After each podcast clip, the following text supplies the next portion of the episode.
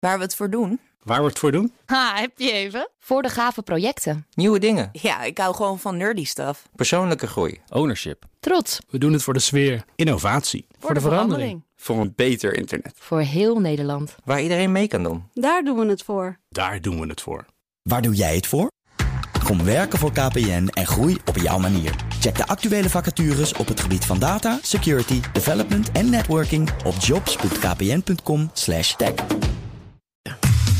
Wetenschap vandaag. Het is onderzoekers van de TU Delft gelukt om in een model te vatten wat nou typisch menselijk rijgedrag is. En die kennis die kan zelfrijdende auto's weer helpen om beter te rijden, vertelt wetenschapsredacteur Carlijn Meiners. Ja, veel zelfrijdende auto's kunnen al best wel wat, maar zijn nog heel uh, robotisch.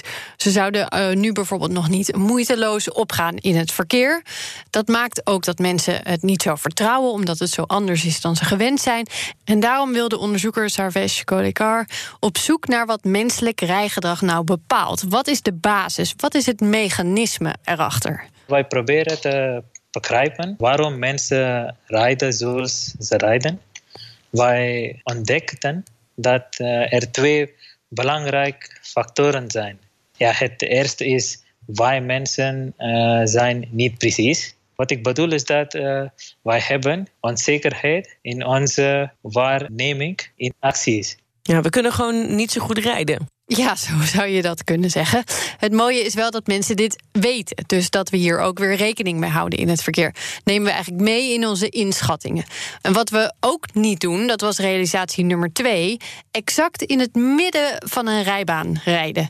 Zo, zolang het tussen de lijntjes is, is het eigenlijk oké. Dus een beetje meer naar links of een beetje meer naar rechts. De ene persoon doet dat erger dan de ander. Ons pad is dus niet optimaal. Uh, zoals een algoritme dat wel zou berekenen. Uh, maar we houden wel constant bij wanneer iets te risicovol is en dan passen we dat aan. Dus die twee dingen heeft collega heel knap in een model gekregen. Ja, en daarmee heeft de TU Delft dus iets ontwikkeld wat er nog niet was. Ja, je kunt bijvoorbeeld, je kunt bijvoorbeeld nu wel meekijken met hoe de algoritmes van zelfrijdende auto's overwegen welk pad ze dan moeten kiezen. Ze kiezen dan het optimale pad en dat kunnen ze omdat er zoveel data beschikbaar is, vertelt begeleidend onderzoeker David Abink. Je bent dus eigenlijk altijd met dat soort big data modellen ben je eigenlijk altijd een beetje ja, na afloop uh, aan het redeneren. Dus je moet eerst heel veel data verzamelen. Dan heb je een statistisch model. En dan kies je wat daar dan de meest waarschijnlijke optie uit is. En dan kan je ook nog een beetje generaliseren. Maar, maar de kracht van, van wat Servesh nou gedaan heeft, dat is echt uh, uniek. Is dat hij dus gezegd heeft van ja, ik, ik ga dat niet doen. Ik ga niet kijken naar uh, heel veel data verzamelen in allerlei verschillende scenario's.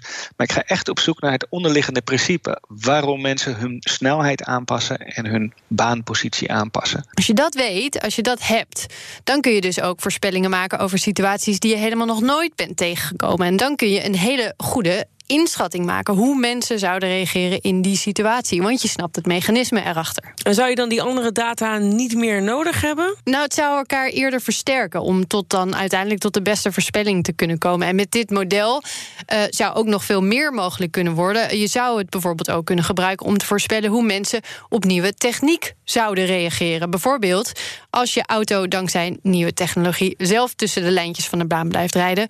Hoe gaat een bestuurder daar dan op reageren? Dat kun je in het model stoppen. Je haalt een beetje onzekerheid weg.